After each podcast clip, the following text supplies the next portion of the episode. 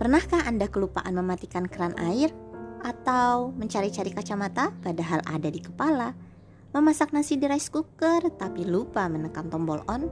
Kalau pernah berarti Anda tidak sendirian. Ternyata banyak yang secara tidak sengaja pernah melakukan hal seperti itu loh. Hmm, kenapa bisa terjadi ya? Mari kita kupas tuntas mengenai ibu yang lelah di episode kali ini. Selamat mendengarkan.